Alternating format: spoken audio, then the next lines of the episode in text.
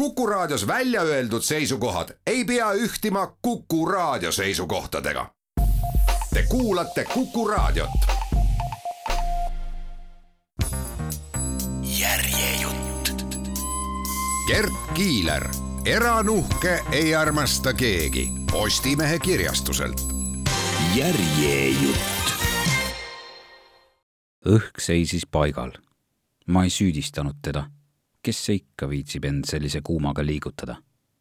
palavus ja kuivus olid kestnud juba üle nädala ja tegid kurjaks eelkõige põllumehed. seevastu suvitajad paistsid õnnega koos olevat. seda võis välja lugeda kas või nende häältest, mis läbi avatud akna mu kolmanda korruse kontorisse jõudsid lastega pered olid teel mäest alla järveranda, et seal kuni õhtuni möllata ja siis pruuniks kõrbenuna tagasi kodudesse või hotelli numbritesse minna. Ilma lasteta täiskasvanud veel liikvel ei olnud. Nemad puhkasid alles ennast eelmisest õhtust välja, et siis uue saabudes koonduda rannas olevatesse klubidesse, kohvikutesse, kõrtsidesse ja mängusaalidesse veetma kvaliteetaega Nad võisid küll kiruda seltskondliku vestluse käigus kuuma ilma ja põuda, aga tegelikult olid nad sellega väga rahul, sest kes tahaks olla kuurordis, kus on jahe ja sajab vihma. Ka minule sobis selline ilm, eelkõige seetõttu, et olin sellega harjunud. nautisin päikest, palavust ja isegi seda, kui keset päeva mitte midagi tehes ja varjus istudes hakkab särk ihu külge kleepuma. ju ma olen üks veidrik aga võib-olla oli põhjuseks ka kartus, et ilus ilm saab ühel hetkel otsa. sellel laiuskraadil see paratamatult millalgi juhtub ja tavaliselt rutem, kui sa arvata oskad. Igal juhul elas Eesti populaarseim sisekuurort Viljandi oma igapäevast suvelõpuelu ja järgmine lause ei sobinud kuidagi kogu selle idülli konteksti. mu sõber on tapetud, uurige välja, kes seda tegi ja miks istusin oma peaaegu pähklipuust töölaua taga ja vaatasin meest, kes selle nõudmise esitas. Ta võis olla minust kümmekond aastat vanem, ehk siis viienda kümnendi alguses, kõhna kehaehitusega ja lühemat kasvu. midagi tema kehahoiakus meenutas jäälindu ning seda muljet süvendas teravaotsaline nina ja kergelt kiilaneval pealael harjastena püsti turritavad paarisentimeetrised juuksed ehkki mehe sõnakasutus oli otsekohene, andis peenikeste raamidega prillide taga ekslev pilk aimu, et minu juurde jõudis ta pärast pikka kaalumist ja polnud siiamaale täielikult veendunud, kas see oli ikka õige samm. paraku polnud mu potentsiaalne klient ainus, kes mõningases segaduses viibis. ainult et mina pidin proovima seda rohkem varjata, kuna kõhklev eradetektiiv pole just kõige parem reklaam ärile, eriti alustavale tegelikult ilutses mu nimi büroo jääklaasist uksel kõigest teist päeva, olin ennast alles sisse seadmas. paberid olid korda aetud ja tegevuslubagi olemas, kuid paljud muud asjad korraldamisjärgus. isegi kohaliku relvaloa olin äsja täna hommikul kätte saanud, kuigi metallne sõber oli mul juba Ameerika ajast olemas kontoris viibisin lihtsalt seetõttu, et olin sama päeva hommikul avaldanud kohalikus ajalehes sekretäri otsimise kuulutuse ja nüüd olin veetnud juba pool tundi, oodates esimest kandidaati uksest sisse astumas. tulija oli aga hoopis klient, minu esimene. väga hea, istuge ja rääkige mulle algusest peale ära, milles teie mure seisneb, vastasin jäälinnule, lootes, et see kõlab nii, nagu ütleks ma seda elus sajandat korda mees istus klienditooli servale nagu lind oksale, kohendas ninal oma prille ja hakkas kõnelema. eile öösel tapeti mu vana koolikaaslane ja sõber Karl Berg, ta lasti maha mu oma silme all jõhkralt ja külmavereliselt. ma tahan teid palgata, et te tapja üles leiaksite selle jutu kandis ta ette ühe hingetõmbega, nagu aitaks see tal mingist koormast vabaneda ootasin tegelikult palju pikemat selgitust, et siis selle varjus mõelda välja, kuidas reageerida ja mida vastata. nüüd oli aga pall ootamatult kiirelt minu väljaku poolele jõudnud. küllap politsei juba tegeleb selle asjaga ja neil on kindlasti paremad võimalused tulemuseni jõuda kui minul, nentisin ma see ei kõlanud just eeskujuliku eraettevõtja müügikõnena, aga tundus sel hetkel mu jaoks kõige loogilisem vastus. Häh, politsei ei võta asja tõsiselt põrutas mu vastas istuja. vähemalt mitte nii kaua, kuni nad pole Karli ee, surnukeha leidnud, Nad isegi ei usu mu juttu. kuhu see surnukeha siis jäi? pärisin. kust mina seda tean? ka selle võiksite töö käigus välja uurida. Aga te olete kindel, et teie vana sõber Karl on tapetud? jah, seda küll, ma ju ise nägin. milline suurepärane võimalus alustada detektiivitööd sellise juhtumiga kõige parem on, kui hakkate juhtumi kirjeldamisega pihta päris algusest. ideaalne oleks alustada näiteks sellega, kuidas on teie nimi. võtsin lahti märkmiku, mille ma olin alles eelmisel päeval soetanud ja olin valmis tegema märkmeid. Detektiivid teevad ikka märkmeid, eriti siis, kui neil sekretäri pole. nimi on Robert Schmidt, töötan tikuvabrikus raamatupidajana aga kõik sai alguse sellest, et eile õhtul helistas mulle vana koolivend Karl Berg ja ütles, et ta on hädas ning vajab mu abi. mis sorti hädas ta oli? ta keeldus seda telefoni teel selgitamast, aga ta hääles kõlas selge hirm. ta palus tungivalt, et kas ma saaksin tulla õhtul kella kümneks vana asfalditehase juurde. Teate ju küll, kus see asub. see olevat elu ja surma küsimus. ma ei teadnud sest olin pärast paarikümne aastast eemalolekut alles mõned nädalad Viljandis tagasi, aga lootsin ette manada näo, nagu oleks kõigi tehaste aadressid mul lapsest saati peas. seda, mida tähendas elu ja surma küsimus, olin aga varem kogenud. kas see oli tavaline, et ta teile selliseid palveid esitas? jätkasin nutikalt. Ei, ei olnud. ausalt öeldes polnud me aastaid suhelnud, kuigi olime kogu aeg siinsamas linnas elanud tegelikult oli see kõne vägagi ootamatu, aga kuna ma olin talle vanast ajast teene võlgu, siis ma ei saanud keelduda.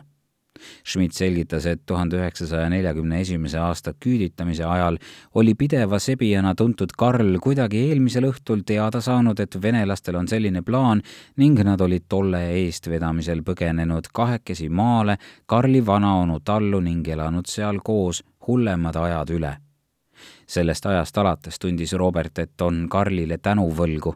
nüüd avaneski tal võimalus see asi hinge pealt ära saada. Kas ta ütles teile ka seda, miks ta just teie poole pöördus, kas Karlil polnud rohkem sõpru? ma ei tea, tuttavaid oli tal tohutult ta oli teatud ringkondades eh, väga aktiivne tegelane, aga kui palju nende seas sõpru oli, seda ma ei tea mulle ütles ta igal juhul, et olen ainus, keda ta saab praegu usaldada. selge. ja edasi, läksite kohale? jah, läksin, kuigi sellised öised seiklused ei ole mulle just meeltmööda. jah, ma valetaksin, kui ütleksin, et ei kartnud. aga kuna tegemist oli Karliga, siis ma ei saanud ära öelda.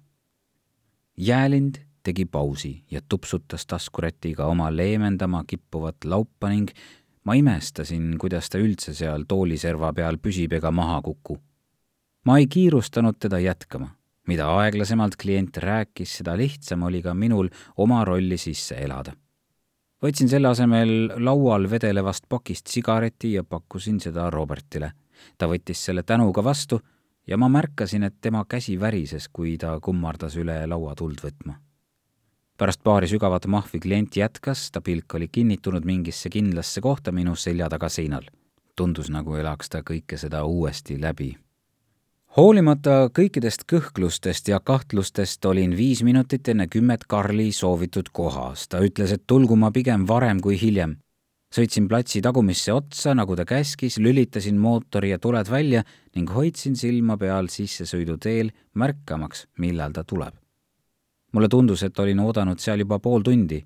tegelikult oli kell aga kõigest paar minutit üle kümne, kui Karli auto keeras samuti tehase küljel olevasse parklasse ja ta vilgutas mulle tuledega ühe korra, nii nagu kokku lepitud. Karl peatas auto platsi servas esiotsaga maantee poole justkui selleks, et saaks esimesel võimalusel minema sõita. väljusin autost ja hakkasin tema poole minema, nägin, kuidas ka Karl väljus autost ning süütas sigareti, meie vahe oli umbes sada meetrit, kui järsku, järsku kõlasid pimeduses pah-pah-pah, kolm lasku ja Karl langes tõmmeldes surnult maha. Ma jäin lihtsalt seisma nagu soolasammas, ei tulnud isegi selle peale, et pikali visata, lihtsalt seisin ja jõllitasin, kuidas Karli valge särk verega kattub. siis kuulsin, kuidas sissesõidutee läheduses puude all käivitati üks auto ja nägin, kuidas see tuiskas kive laiali pildudes maanteele. Schmidt lõpetas oma jutu, kuid tema tühi pilk jäi endiselt minu selja taga asuvale punktile pidama. ootasin hetke ja küsisin siis. Ega te auto numbrit ei märganud? mida? pilk naasis minule. nalja teete või? oli jäälind pahane. ma olin sellises šokis, et, et pealegi pole seal ju peaaegu üldse valgustust, ainult kaks vana lampi kummaski väljaku servas. aga auto marki ja värvi ikka oskate öelda? jah, seda küll. masin oli tuhande üheksasaja viiekümne neljanda aasta tumesinine või must Volvo. tean lihtsalt sellepärast, et mul oli endal varem sama mark. tagatulede järgi tundsin ära. Kas tulistaja teid nägi? ma loodan, et mitte. ma ei olnud jõudnud laternate valgusesse ja muidu oleks ta ju ka mind tulistanud võbistas ta õlgu. loogiline. mis edasi sai, läksite Karli juurde ja tegite kindlaks, et ta oli kindlasti surnud? Mis ma sinna enam jooksin, see oli niigi selge. pealegi ei või ma verd silma otsaski kannatada. ma ei tea üldse, kuidas ma sõjaaja üle elasin. aga kui ma olin tardumusest üle saanud, panin esimese asjana jooksu oma auto poole ja mõtlesin, et kaon sealt nii kaugele kui võimalik ma ei mäleta sedagi, kuidas linna jõudsin, aga nii palju olin siiski kontrolli enda üle tagasi saanud, et läksin otse politseijaoskonda ja rääkisin ära, mis juhtus. ja nemad? Pärisin. Nemad, mühatas ta põlglikult ja toetas end esimest korda tooli seljatoele. Nemad käskisid mul oodata seal ja läksid asja uurima. poole tunni pärast tulid tagasi ja väitsid, et mingit laipa ei leitud.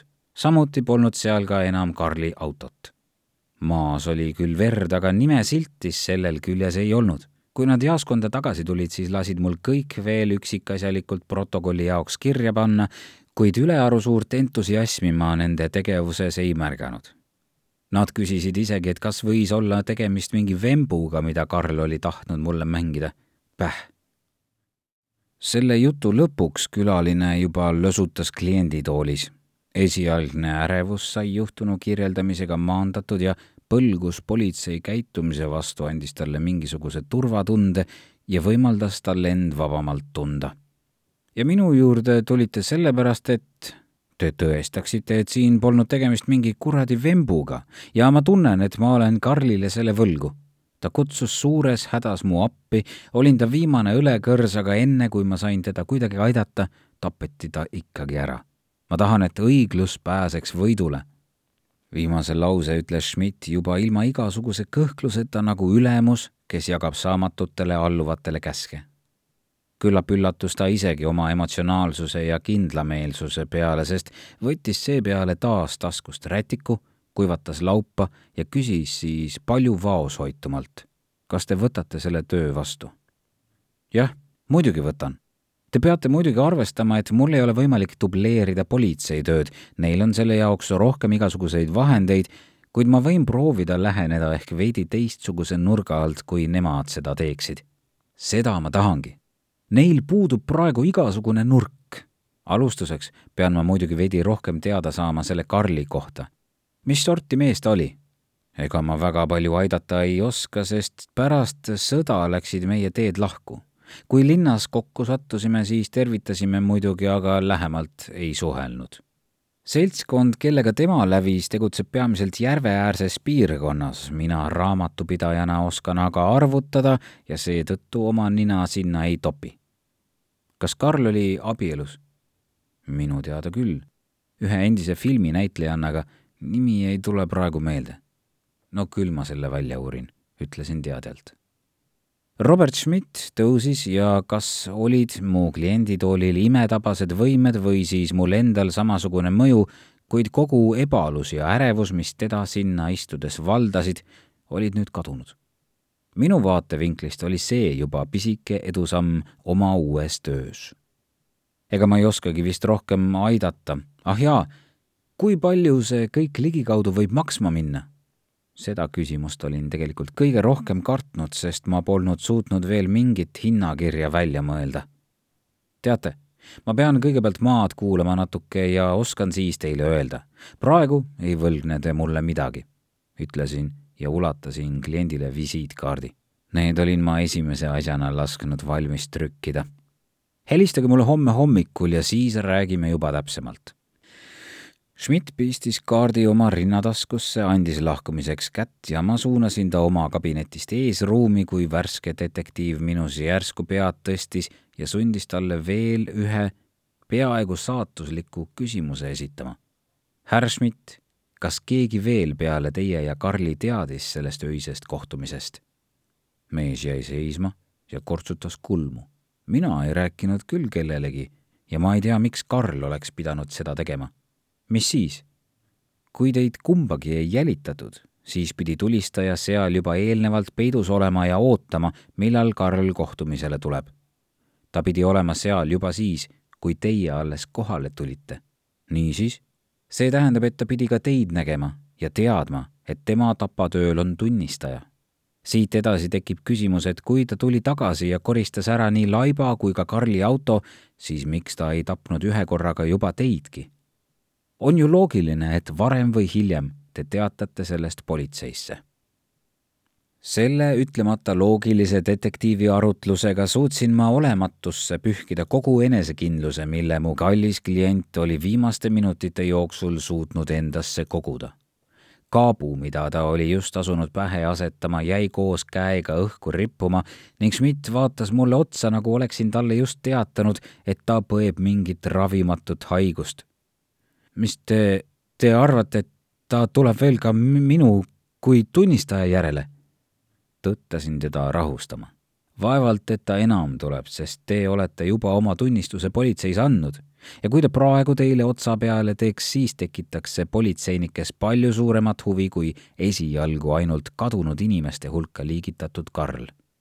ma usun, et tapja, ükskõik kes see ka ei oleks, püsib praegu võimalikult vagusi ehkki mulle endale kõlas see tiraad kaunis loogiliselt ja rahustavalt, ei paistnud Robert minuga päris samal lainel olevat ning oli valmis kohe mult ka ihukaitseteenust ostma. üritasin küll selgitada, et kui ma pean teda kogu aeg valvama, siis ei saa ma ju oma ühe mehe firmaga kuidagi uurimist läbi viia. lõpuks suutsin teda rahustada sellega, et soovitasin baaril lähemal ööl kodu asemel hotellis magada uksest väljus ta endiselt kaabuu käes. viimaks, pärast suuri ponnistusi, olin ma oma esimesest kliendist lahti saanud. ajutiselt lahti saanud, see tähendab. Läksin tagasi oma kabinetti, istusin pöördtoolil, lükkasin selle parajasse kaugusesse, et jalad kulunud kontorilauale tõsta ning süütasin sigareti, puhudes suitsujoa laes loiult tiirleva ventilaatori suunas ma ei suutnud uskuda, et olin kohe uue karjääri alguses sattunud sellise maffia stiilis mõrva otsa. veel mõned kuud tagasi poleks ma osanud muidugi üldse arvata, et minust saab eradetektiiv. ja pool aastat varem oleks seegi tundunud uskumatu, et tulen tagasi linna, kus veetsin küll oma nooruse, kuid kus viimati olin enne sõda. olin lapsena ahminud endasse nahksuka jutte ja teisi seikluslugusid ning seetõttu polnud mingi ime, kui ma vahetult enne Teise maailmasõja algust võtsin seitsmeteistaastase noorukina vastu pakkumise minna madrusena kaasa kaubalaevale, mille sihtkoht oli Austraalia. kui venelased olid Eestisse tunginud ja sõda võttis üles järjest suuremaid tuure, oli selge, et ma ei hakka jõuga siia end tagasi pressima. mulle meeldis küll seigelda, kuid sõda oma brutaalsuses polnud mind kunagi köitnud võib-olla olin ma isa käest kuulnud liiga palju jutte esimese ilmasõja kohta. igal juhul suutsin kogu sõja aja hoida ennast otsesest lahingutegevusest kõrvale, tegutsedes samal ajal paikades, kuhu sõjategevus ei jõudnud. et vanemad said mul mõlemad sõja käigus surma ja keegi Eestis mind ei oodanud, polnud ka pärast tapatalgute lõppu mul kiiret kodukamarale tagasi pöörduda seiklesin mõned aastad mööda Lääne-Euroopat, kui jõudsin lõpuks otsaga välja Ühendriikide läänerannikule Californiasse. tegin alguses juhutöid, kuni tuhande üheksasaja viiekümne kaheksanda aasta aprillis viis juhus mind kokku Apriliga. jah, ma saan aru, kuidas see kõlab ja nii ma seda ka võtsin, saatuse sõrmena peale selle, et April oli ilus, veetlev ja tark, töötas ta kohalikus lehes uuriva ajakirjanikuna. võib-olla olid just printsipiaalsus ja nutikus see, mis mind peale välimuse temas köitsid. April vajas mõningate plahvatuslikemate juhtumite lahendamisel mehelikku abi ja minu sada kaheksakümmend üheksa sentimeetrit ja üheksakümmend kolm kuni üheksakümmend kaheksa kilo, sõltuvalt hooajast, tulid siin kasuks. Samuti olid varasemad aastad mööda maailma kolades mind piisavalt karastanud, et iga rusikatega vehklev või relva vibutav sell mind verest välja ei ajaks. April teenis oma lehelugudega nii austust kui ka vihkamist, võttes ametipostilt maha nii mõnegi ettevõtte juhi, politseiülema või linnaametniku, kuid minu nimi ei ilmunud kunagi lehes ja mulle see sobis. me olime hea tandem. Nii hea, et ühel hetkel polnud see suhe enam ainult töine. tuhande üheksasaja kuuekümnenda aasta neljandaks oktoobriks olin endas jõudnud sedavõrd selgusele, et leppisin Apriliga kokku kohtumise Pacific Pointi rannas asuvas Magnolia klubis, sealsamas, kus esimest korda kohtusime April muidugi ei teadnud, et seekordse kohtumise põhjus oli minu soov anda talle üle hoolikalt valitud ja minu majanduslikule seisukorrale selgelt mittevastav kihlasõrmus ja teadmata see jäigi. terrassil istuv April märkas mind, tõusis toolilt püsti, lehvitas naeratades, nagu vaid tema oskas ning siis ühtäkki ta keha nõksatas ja valge pluusi esisele tekkis punane laik alles seejärel kuulsin ma pauku. seisin seal nagu lihavõtte saare kuju, suutmata kuidagi teda kaitsta. Tegelikult muidugi polnudki selliselt kauguselt võimalik enam midagi teha, aga ma ei püüdnudki, lihtsalt seisin. ma ei suuda seda endale siiani andestada ja ma ei tea senimaani, miks palgamõrvar mind järgmisena ette ei võtnud olime ju Apriliga koos uurinud järjekordset korruptsioonijuhtumit, kuhu võis kaude olla segatud isegi osariigi kuberner. Kas segas keegi mõrvarit või ei pidanud ta mind üksi ohtlikuks või poldud talle lihtsalt sellist käsku antud? saan aru, et see kõlab egoistlikuna aga pärast kõiki neid aastaid sihitut ringi hulkumist olin just teinud otsuse, et loon perekonna ja jään paikseks ja kõik see pühiti mult ära mõne sekundiga. olin Aprili käest kunagi küsinud, kas ta ei karda pidevalt sellistes asjades suskida, kuid tema suhtus sellesse muretult. kui kogu aeg kardad, siis pole mõtet eladagi. selline tüdruk oli minu April loomulikult olin ma esmalt löödud ja siis marus ning valmis ükskõik mis hinnaga mõrva tellijale kätte maksma. olime uurimistööga nii kaugele jõudnud, et oli, kust edasi minna, kuid kohalikel võimudel oli olukorrast teine arusaam. Ühtäkki ei meeldinud neile üldse see, millega ma olin seni elatist teeninud ja soovitati tungivalt minna sinna, kust ma tulnud olin.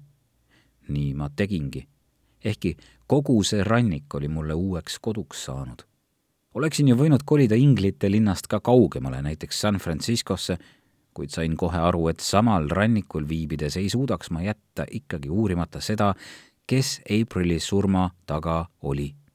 ning kättemaksu iha oleks mind kokkuvõttes hukutanud.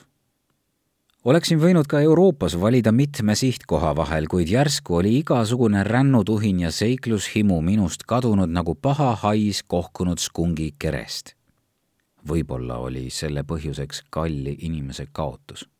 inimese, kelle sarnast polnud mu elus olnud viimased kakskümmend aastat. võib-olla oli oma osa passist vastuvaataval vanusel, võib-olla kõige selle koosmõjul, aga ühtäkki sain selgeks, et aeg on tulla koju tagasi ja mõelda põhjalikult elu üle järele müüsin maha oma väikse, kuid suurepärase ookeani vaatega majakese, millest oleks pidanud saama Aprili ja minu kodu.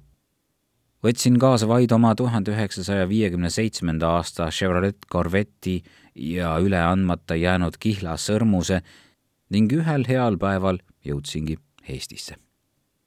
juba enne Maarjamaale jõudmist olin teinud otsuse, et lähen esmalt tagasi sünnilinna Viljandisse. mul oli piisavalt kaasavara et võisin esialgu veidi ringi vaadata, muretseda endale elamise ning mõelda, mida siis tegema hakata. Viljandisse minek paistis peale pikka võõrsil veedetud aega ka turvalise valikuna nagu lapse ema rüppe naasmine. Ta tundus olevat kõige selle vastand, mis meenutas Apriliga juhtunut. seda muidugi eemalt vaadates, sest tegelikult polnud ma sünnilinna arengul vahepeal üldse silma peal hoidnud pärast enese sisseseadmist, esialgu küll üüripinnale, hakkasin nuputama, millega elatist teenima hakata. õige pea sain aru, et vana koer uusi trikke ei õpi. Nii pöördusin oma kunagise klassivenna Georgi poole, kellest oli saanud nüüd ajalehe Sakala tegevtoimetaja, et äkki on neil lehes mõni vakantne koht olin ju viimastel aastatel näinud kõrvalt piisavalt palju seda tööd ja kooli ajal olid kirjandus ning emakeel ühed mu lemmikained. Paraku tegi sõber mulle selgeks, et aastaid kodust eemal olemine oli lisanud mu eesti keelele sellise aktsendi, et kohalikel oleks väga keeruline mingisugust ameeriklast omaks võtta. ja muidugi polnud neil toimetuses parasjagu ühtki vaba kohta küll ütles sõber pärast seda, kui oli kuulnud mu viimaste aastate elulugu, et ma võiksin kätt proovida eradetektiivi ametis. Esiteks võib Ameerika taust ja aktsent selles ametis mõjuda pigem lisaväärtusena ja teiseks oli siinne detektiivibüroo pärast seda, kui selle pikaajaline juht, vana juut Abrams purjus peaga kontoritrepil kukkus ja kaela murdis, üsna hiljuti hingusele läinud nüüd ma istusingi siin oma isiklikus detektiivibüroos ja pidin hakkama lahendama karjääri esimest mörva. ja ei olnud kedagi, kes mulle juhtnööre annaks. Tunnistasin endale ausalt, et olin seni olnud ikkagi tööriist Aprili käes, mitte ei pidanud kõike algusest peale oma peaga leiutama nii palju oli elu Californias siiski mu hinge jäänud, et kontoriruume valides oli üks tingimus, et ma näeksin aknast kas või kuigi palju sinist vett. et ookeani valikus polnud, leppisin järvega. Tegin vaate nimel kompromissi ka sellega, et kolmandal korrusel asuv büroo pole just kõige mugavam paik klientide jahtimiseks samas välistas kõrge asukoht juhuslikud sisseastujad ja mulle meeldis ette kujutada, et detektiivi palkamine on sedavõrd läbimõeldud tegevus, et siis ollakse valmis ka mõne korruse võrra trepiastmeid kulutama. maja valikul mängis mingit rolli siiski ka mu lapsepõlv. tuhande üheksasaja kolmekümnendail aastail asus selles majas Herman Mursi kommitööstus ja seetõttu oli teekond sinna mulle väga tuttav magusameister ise elas kõige kõrgemal korrusel just sealsamas, kus on nüüd minu ruumid. Mursi tööstus ise oli sõjajärgseil aastail muidugi laienenud ja kolinud suuremale pinnale ning ka vana Murs ise oli leidnud endale väärilisema elupaiga. nojah, igatahes siin ma nüüd olin keerasingi oma pöördtooli nii, et sain vaadata avatud aknast selle igatsetud sinise lapikese poole, parasjagu oli sättinud end sellele üks valge purjekas, mis oli silmale rahustav vaadata, kuid ei andnud mulle mingeid juhiseid, kuidas juhtumiga alustada. viie minuti pärast olin jõudnud siiski järeldusele, et enne kui hakata ummisjalu mõrvarit taga otsima, oleks targem ohvri kohta rohkem teada saada selleks ei tulnud teha midagi rohkemat, kui helistada koolivend Georgile ajalehte ning paluda väikest informatiivset teenet. kes veel kõige paremini kohalikke olusid ja inimesi tunneb, kui mitte žurnalist? kustutasin koni tuhadoosi ja sirutasin juba käe telefonitoru poole, kui kuulsin kontori välisukse klaasil arglikku koputust. hüüdsin, et uks on avatud, ajades end samal ajal laua tagant püsti ning läksin eesruumi tulijale vastu ukse vahele ilmus halli kübarat kandev pruunide lihtsasse hobusesabasse pandud juuste ja vanamoodsate prillidega naine. ta kandis ranget sama tooni halli tweed-kostüümi ja ta lühikesed jalad olid kängitsetud veidi tumedamat tooni halli värvi kingadesse. ilmutise vanus võis jääda vahemikku kolmkümmend kuni viiskümmend aastat. kas teie otsisite enda kontorisse sekretäri? jah, ma olen Paul Johnson astuge aga edasi. tore, mina olen Leena Keller, Preili Leena Keller. ilmutus sisenes, ulatades mulle oma kübara ja ma suunasin ta istuma eesruumi diivanile, istudes ise tulevase sekretäri töötoolile külaline istus diivani servale, justkui kartes, et kui ta ennast sinna mugavalt toetaks, võiks too ta alla kugistada ma ei saanud aru, mis eestlastel viga on. kas korralikult toolil või diivanil istumine on siis maksu alla pandud või? juba teine selline inimene ühe tunni jooksul. nagu ma polnud kunagi üksi detektiivitööd teinud, nii polnud ma ka kunagi ühtki tööotsijat intervjueerinud. ootamatult sain isegi aru, et hoolimata oma senisest kirevast elust polnud ma päris paljusid asju veel teinud ja ootamatult kaela kukkunud esimene töö polnud lasknud mul ka kuidagi sekretärikandidaatide intervjueerimiseks vaimselt valmistuda. suutsin just välja mõelda esimese küsimuse, kuid hall, eatu külaline ennetas mind.